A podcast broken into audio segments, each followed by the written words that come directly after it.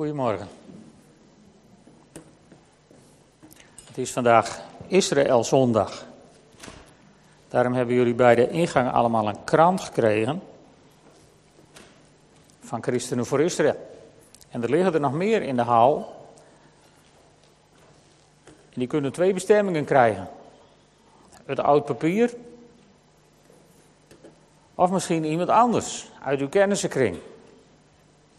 Dat lijkt mij de beste bestemming. Dus mijn verzoek is van neem straks uh, aan het eind er nog eens een paar mee.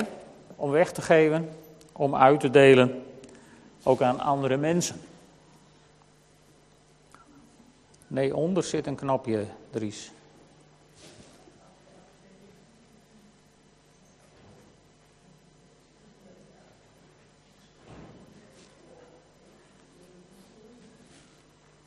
Onder het bureau zit een knop waar je op moet drukken.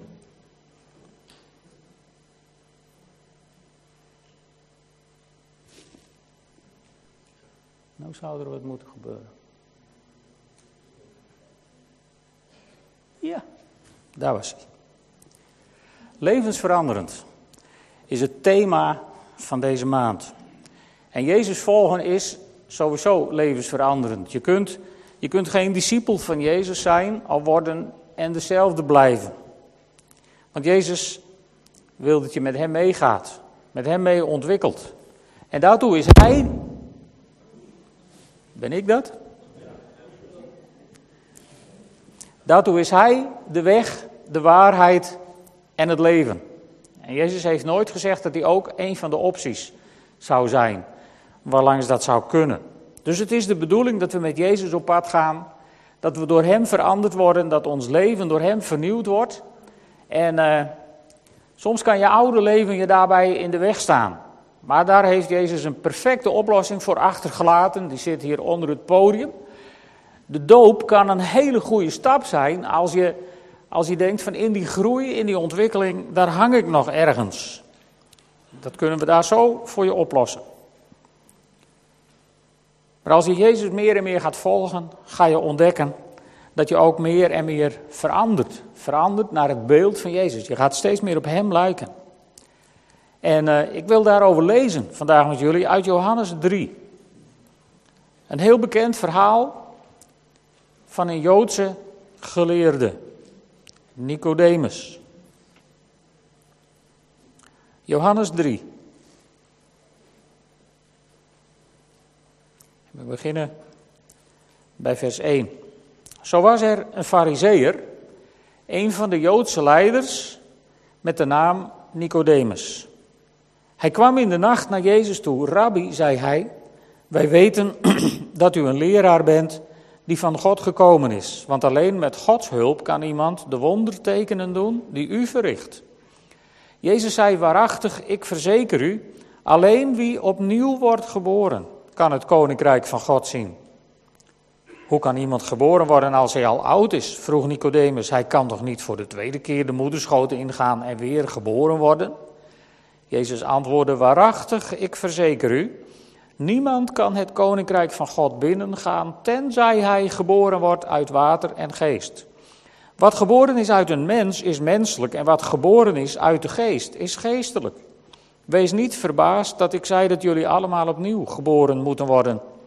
De wind waait waarheen hij wil. Je hoort zijn geluid, maar je weet niet waar hij vandaan komt en waar hij heen gaat. Zo is het ook met iedereen die uit de geest is geboren. Maar hoe kan dat? vroeg Nicodemus. Begrijpt u dit niet, zei Jezus, terwijl u een leraar van Israël bent? Waarachtig, ik verzeker u, wij spreken over wat we weten en we getuigen van wat we gezien hebben, maar jullie accepteren ons getuigenis niet. Wanneer jullie me niet geloven als ik over aardse dingen spreek, hoe zouden jullie me dan geloven als ik over hemelse dingen spreek? Er is toch nooit iemand opgestegen naar de hemel behalve degene die uit de hemel is neergedaald, de mensenzoon? De mensenzoon moet hoog verheven worden, zoals Mozes in de woestijn de slang omhoog geheven heeft, opdat iedereen die gelooft in hem eeuwig leven heeft. Want God had de wereld zo lief dat hij zijn enige zoon heeft gegeven, opdat iedereen die in hem gelooft niet verloren gaat, maar eeuwig leven heeft. God heeft zijn zoon niet naar de wereld gestuurd om een oordeel over haar te vellen, maar om de wereld door hem te redden. Over wie in hem gelooft wordt geen oordeel uitgesproken, maar wie niet in hem gelooft is al veroordeeld, omdat hij niet wilde geloven in de naam van Gods enige zoon. Dit is het oordeel. Het licht kwam in de wereld en de mensen hielden meer van de duisternis dan van het licht, want hun daden waren slecht. Wie kwaad doet, haat het licht, hij schuwt het licht omdat anders zijn daden bekend worden. Maar wie oprecht handelt, zoekt het licht op, zodat zichtbaar wordt dat God werkzaam is in alles wat hij doet. Tot zover de lezing. Geestelijke geboorte. Nicodemus komt bij Jezus met een verkeerde benadering. Hij begint met wij weten en hij wilde eigenlijk nog meer weten. Hij wilde op basis van zijn kennis wilde hij Jezus vinden. En ik herken me wel wat in Nicodemus. Zeker vroeger. Ik zat ook wel wat zo in elkaar. Flink studeren en bewijs mij dan maar dat het zo is. Maar je kunt niet eerst zien en dan geloven. Het koninkrijk zien door de wonderen die Jezus deed, dat is één. Je kunt niet voortbouwen op wat je weet. Op een gegeven moment moet je de sprong maken naar het geloof. En moet je gaan geloven. En dat is wat Jezus doet naar Nicodemus. Hij zet de dingen in de juiste volgorde. Eerst geloven en dan zien. Eerst geloven en dan beleven. Niet voortbouwen op kennis, maar geloven en van daaruit leren. En dan ingaan in het koninkrijk en doen wat Jezus deed. Dat is eigenlijk de lijn. En, en ik was daar van de week zo mee bezig. En, en ja, dan weet je ook dat het Israëlzondag is. En je hebt dit verhaal op je hart gekregen. En dan worstel je ermee van, van ja, hoe maak je die verbinding?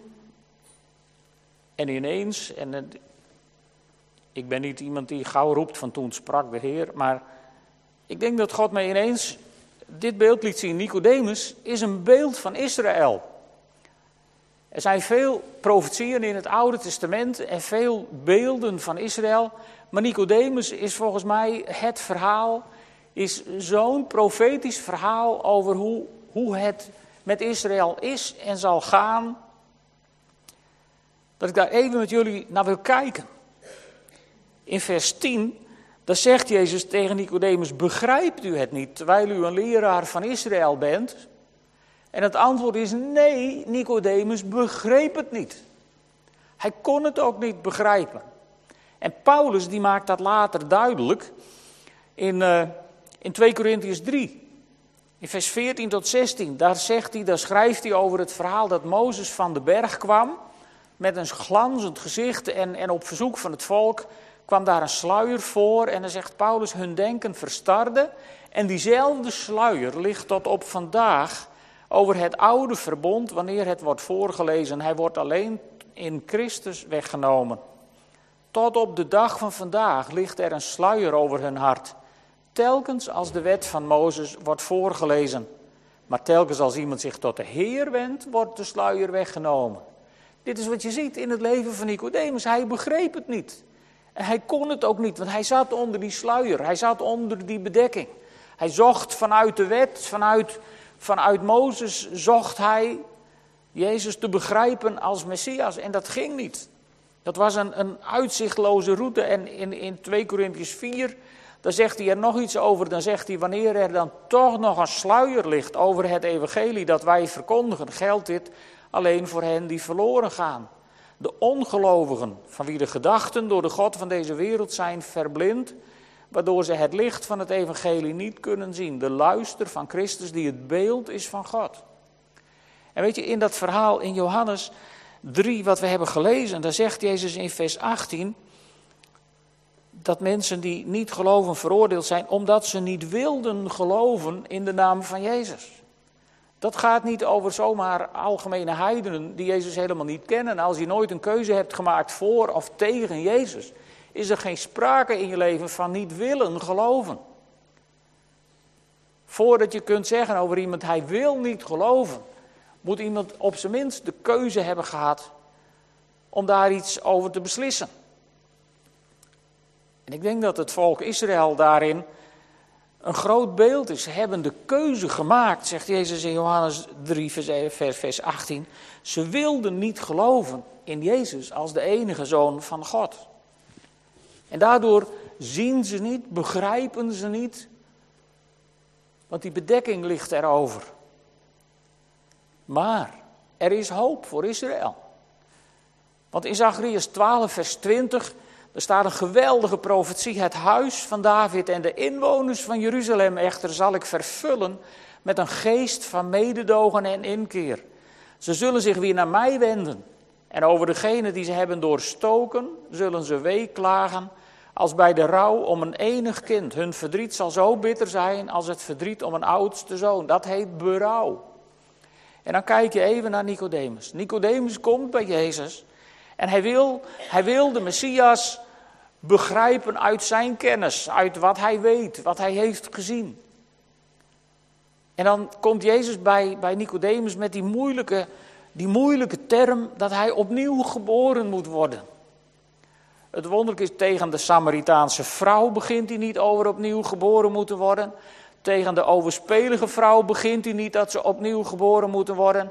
Als ouders de kinderen bij hem willen brengen, begint hij tegen de kinderen niet dat ze opnieuw geboren moeten worden. Tegen de rijke jongeling zegt hij niet dat ze opnieuw geboren moeten worden, maar juist tegen deze hooggeleerde man zegt Jezus, jij moet opnieuw geboren worden. Je moet als het ware opnieuw beginnen. De verandering die in jouw leven, in jouw denken, in jouw theologie nodig is, die is zo radicaal dat je dat maar op één manier, in één beeld kunt vatten. Je moet sterven aan jezelf en opnieuw geboren worden in geloof aan Jezus Christus. Heel radicaal en Nicodemus begrijpt het niet. Maar er is wel iets begonnen in het leven van Nicodemus. Want op een gegeven moment in Johannes 7, vers 50, daar, daar neemt Nicodemus Jezus in bescherming. Als de, de, de Hoge Raad Jezus als het ware veroordeelt, dan zegt Nicodemus, ja maar we veroordelen hier toch geen mensen zonder met ze gepraat te hebben. Maar uiteindelijk, en zo moet je even naar het leven van Nicodemus kijken, ga even met me mee. Nicodemus die eerst bij Jezus komt en onder de bedekking ligt van de sluier, omdat hij het niet ziet. Op de dag dat Nicodemus ziet wie ze doorstoken hebben, als Jezus aan het kruis hangt en daar is gestorven, dan wordt hij s'avonds begraven en hij wordt begraven, en dat is heel wonderlijk, hij wordt begraven door twee fariseërs. Jozef van Arimathea, die een kostbaar uitgehouwen graf beschikbaar stelt. En Nicodemus die komt met 100 liter, staat hier, dus ongeveer, ongeveer 30 kilo aan specerijen. Uitermate kostbare specerijen. Volgens Joodse geleerden genoeg om 200 begrafenissen mee op te luisteren. En dat komt hij brengen voor Jezus. En dat heeft hij niet in een zakje bij zich, dat heeft hij niet in een plunjebaaltje op zijn schouders. Maar waarschijnlijk heeft hij daar zijn personeel voor meegebracht met minimaal één muilezel opgeladen. Want die specerijen, wij, wij gebruiken, wij, kopen uh, losse thee, even zo'n voorbeeldje, losse thee. En koop je zo'n grote zak en die weegt een pond. 33 kilo van dat spul dat is heel veel. Dus Nicodemus en ook Jozef van Arimathea, ongetwijfeld twee hele rijke, welgestelde mensen uit de, uit de schriftgeleerde kringen, die zijn met hun personeel gekomen. Die zijn ook niet stiekem even zomaar onopgemerkt. Het was niet zo dat niemand dat zag, dat ze het zo stiekem even wegmoffelden. Dat Nicodemus zei, nou ik heb ook nog een kleinigheid in mijn zak, maar aan niemand vertellen. Nee, Nicodemus kwam met zijn personeel, muilezel volgeladen met dat spul. En, en, en, en Jozef van Arimathea die stapte notabene naar Pilatus met de vraag of hij het lichaam van Jezus mocht hebben. Dus dit speelde zich niet meer af in het geniep. Dit zat niet meer onder de bedekking van de sluier. Dit speelde zich af in de volle openbaarheid van het leven. Daar was Nicodemus als vertegenwoordiger van zijn volk, van het volk Israël, om aan de Messias, aan degene van wie hij zag dat hij doorstoken was, kwam hij de laatste eer bewijzen. Wat een beeld van Israël op een dag Op een dag zullen zij zien wie ze doorstoken hebben en dan zullen ze tot diep berouw zijn. En de vraag is, waar zal dan de kerk zijn? Zal de kerk dan zeggen, ja dat hebben wij altijd al gezegd. Of zal de kerk bereid zijn om de armen om hen heen te slaan en ze te laten uithuilen op onze schouders? En tegen ze te zeggen, joh, luister eens, wij zijn net zo schuldig als jullie. Want hij is doorstoken aan het kruis om minstens zoveel zonden van ons dan van hen. Met andere woorden, dit is een buitengewoon beeld van Israël. En op een dag zal Israël zien wie ze doorstoken heeft. En zullen ze hem omarmen als hun Messias. En tot die tijd moeten ze gedragen zijn door ons gebed. En als je nu kijkt naar wat er in het Midden-Oosten met name gebeurt, dan lijkt het alsof, alsof de band zich steeds nauwer sluit om Israël. Er is inmiddels één Europees land wat de Palestijnse staat heeft erkend als staat. Hamas heeft bij de Verenigde Naties gevraagd dat Israël uiterlijk in 2016 zich moet terugtrekken uit de zogenaamde bezette gebieden. Zodat ze hun eigen staat kunnen hebben met Oost-Jeruzalem als hoofdstad. Er worden voortdurend eisen neergelegd voor Israël waarvan ieder kind weet dat ze ze nooit zullen inwisselen. En weet je, Iran heeft lang gezegd: wij willen Israël van de kaart vegen. En, en, en, en toen, ach, Madinejad van de kaart ging. Toen kwam er een ander en toen dachten wij misschien, hè, dat probleem is over. En nu staat ISIS net over de grens van Israël. En die heeft ook maar één doel. En de afgelopen weken las ik in, in, in de deuterocanonieke boeken, de verhalen van de Maccabeeën. Dat is een aanrader om in deze tijd dat eens te lezen. Weet je, voortdurend komen er in die tijd legers uit Syrië en Libanon met maar één doel. Die komen allemaal met één missie. Israël en de Joden verwijderen van deze aardbodem. Waarom zou dat nou toch zijn? Omdat het heil is uit de Joden. Misschien zijn we ons dat wel eens wat te weinig bewust. Maar in mijn naïviteit ben ik er altijd van uitgegaan, want dat weet toch iedereen wel. En iedereen bidt toch voor de vrede van Jeruzalem. Maar het is goed om er vandaag even bij stil te staan. En ik wil het meteen heel praktisch maken. Ik wil jullie vragen om even te gaan staan. Even groepjes maken van een stuk of vier, vijf mensen. En dan nemen we tijd om te bidden voor de vrede van Jeruzalem.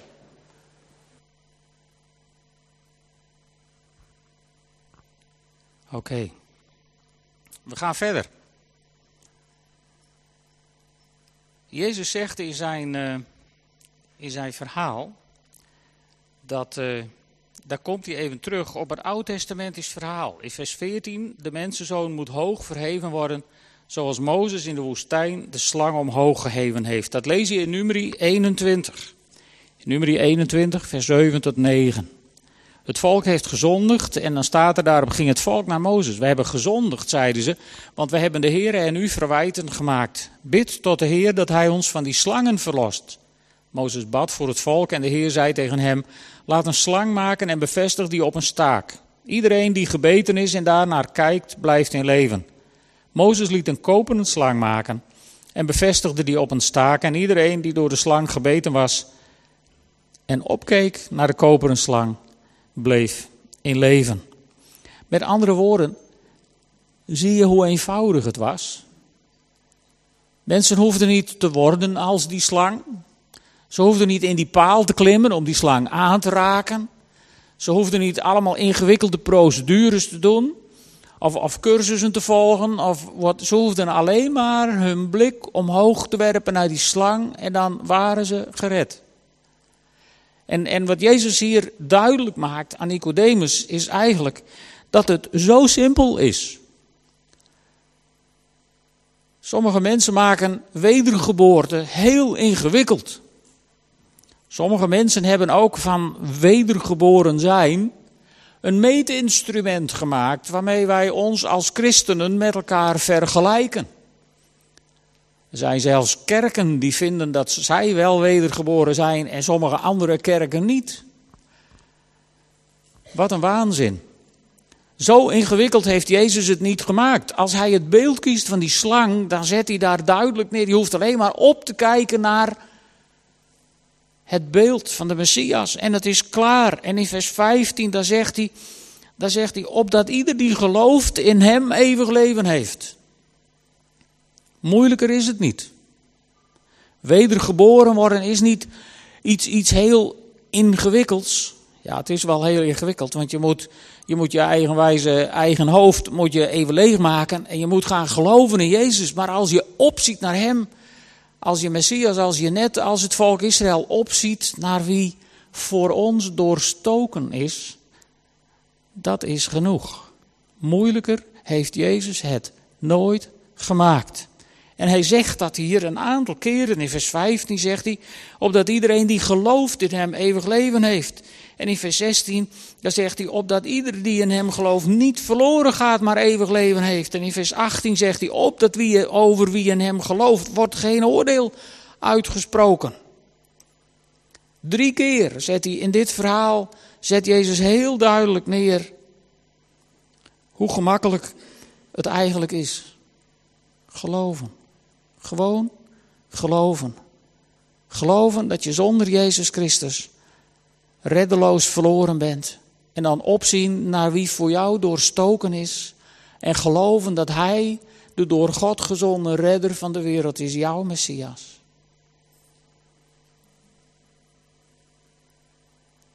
En dat heeft te maken met een paar woorden die ook in het verhaal staan van, van Nicodemus. Heb een paar woorden aangestreept in vers 11. Daar staat: Jullie accepteren ons getuigenis niet. Dus het heeft met accepteren te maken. Aannemen dat wat Jezus gezegd heeft en wat in het woord in de Bijbel geschreven is, het woord van God is en de waarheid is.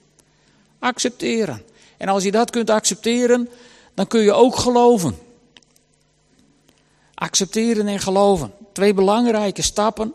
En, en later zegt hij nog in vers 19 dat de mensen meer hielden van de duisternis dan van het licht. Dus het gaat om dat je meer gaat houden van Jezus dan van de duisternis, dan van de dingen van deze wereld. Meer houden van. Jezus als je eerste prioriteit hebben. En weet je, dan, dan wordt aan de buitenkant zichtbaar wat er in, aan de binnenkant is gebeurd. En het mooie is, en, en dat is nog één dingetje wat ik even, even wil benadrukken. In, in onze vertalingen staat telkens dat je opnieuw geboren moet worden. Maar de woorden die hier in het Griek staan, die kun je ook uitleggen als van boven geboren worden. Want Nicodemus is ook een waar die denkt, ja, ja ik, ik ben één keer uit het lijf van mijn moeder gekropen, maar... En dan kijkt hij zo groot hij inmiddels geworden is en dan denkt hij, dat wordt een hele toer. Dat snapt hij ook even niet. Nee, dat is ook even als je de beeldspraak loslaat en het heel praktisch wilt maken, dan wordt het ook heel ingewikkeld. Maar in de beeldspraak wordt het een stuk eenvoudiger. En als je dan ook nog begrijpt dat het eigenlijk van boven geboren, dat, dat Jezus dat, dat bedoelt, hij legt dat ook uit, dat je uit water en geest geboren moet worden.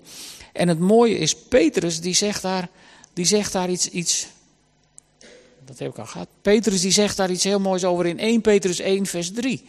Dan zegt hij, geprezen zij de God en Vader van onze Heer Jezus Christus.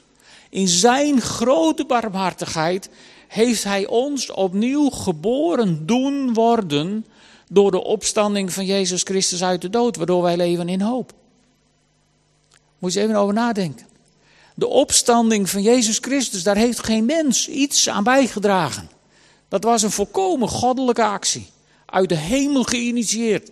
En Petrus zegt, van daaruit heeft hij ons opnieuw geboren doen worden. Dat betekent dat wij daarvan gewoon het leidend voorwerp zijn. Het is ons gegeven. Wij zijn opnieuw geboren doen worden. Dat is niet mijn verdienste, dat is alleen maar de verdienste van Jezus Christus door zijn offer aan het kruis en door God de Vader die hem opwekte uit de dood. Zodat wij sterven in Christus en met hem een nieuw leven kunnen ontvangen. Dit, dit heeft een beetje te maken met, met ook. En dan wordt het toch weer ineens. Komt het heel dicht bij het opnieuw geboren doen worden. Want hoe heet degene die jou heeft geholpen om geboren te worden? Ik bedoel, daar heb je zelf niet zoveel aan bijgedragen hè? als baby. Ik bedoel, het is niet zo'n grote prestatie van een baby om geboren te worden. Je wordt gewoon, je wordt gewoon naar buiten gejast. Daar, daar wordt jouw mening niet over gevraagd. Daarom geel je ook moord in brand zodra je eruit bent. Want daar was het warm en veilig en wist je waar je aan toe was. En nu begint die grote, boze, enge buitenwereld. Dus, dus als kind draag je. En ik ben bij me degene die, die helpt om, om jou geboren te doen worden. Die heet verloskundige. Dat vind ik een hele mooie woordspeling eigenlijk. Het heeft met je verlossing te maken. Je wordt verlost en zo word je geboren. En, er is nog een hele mooie woordspeling. Als je een beetje Duits kent, hoe heet een bevalling in het Duits? Dat is een heel mooi woord voor in het Duits. Dat heet entbindung. Dus je wordt ontbonden. Met andere woorden, je wordt bevrijd. Als je opnieuw geboren wordt, dan worden de banden van Satan, de banden van het dodenrijk, de banden van het kwaad, die worden doorgesneden door het bloed van Jezus Christus. Je wordt ontbonden, je wordt bevrijd en je wordt verlost door de verloskundige. En dan sta je in het leven als een nieuwe schepping. En over die nieuwe schepping zegt Paulus geweldige dingen, want dit is het resultaat. Daarom is iemand die één met Christus is een nieuwe schepping. Het oude is voorbij, het nieuwe is gekomen. Je bent entbonden, vrijgemaakt. En in Romeinen 8, vers 1, de NBG-vertaling eventjes. Zo is er dan nu geen veroordeling voor hen die in Christus Jezus zijn. Je bent verlost. De verlossing is een feit. Je bent vrij, verlost, vernieuwd, heel gemaakt. Door Jezus Christus.